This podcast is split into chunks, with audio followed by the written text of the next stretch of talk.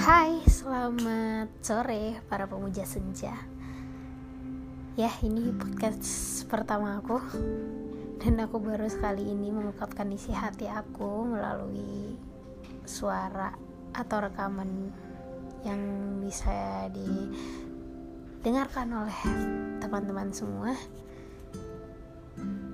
Oh ya, kenalan dulu aku Feby. Aku bekerja di salah satu perusahaan swasta ya aku budak korporat yang baru aja menitis karir di kota besar Jakarta.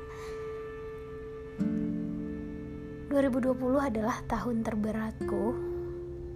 Dan bisa dibilang dari tahun 2020 aku belajar jauh lebih dewasa karena banyak masalah yang datang bertubi-tubi kepada diriku dan keluargaku sebenarnya selama ini aku nggak pernah ngerasa se insecure ini ngerasa sesendiri ini. Padahal aku udah mencoba untuk kayak bergabung sama teman-teman yang lain dan ikut nimbrung ke keluarga orang.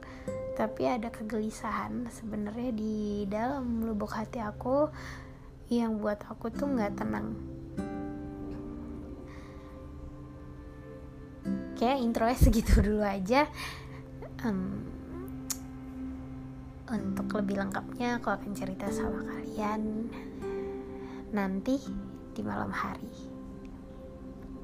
Semoga kalian mau mendengarkan isi hati aku melalui podcast isi hati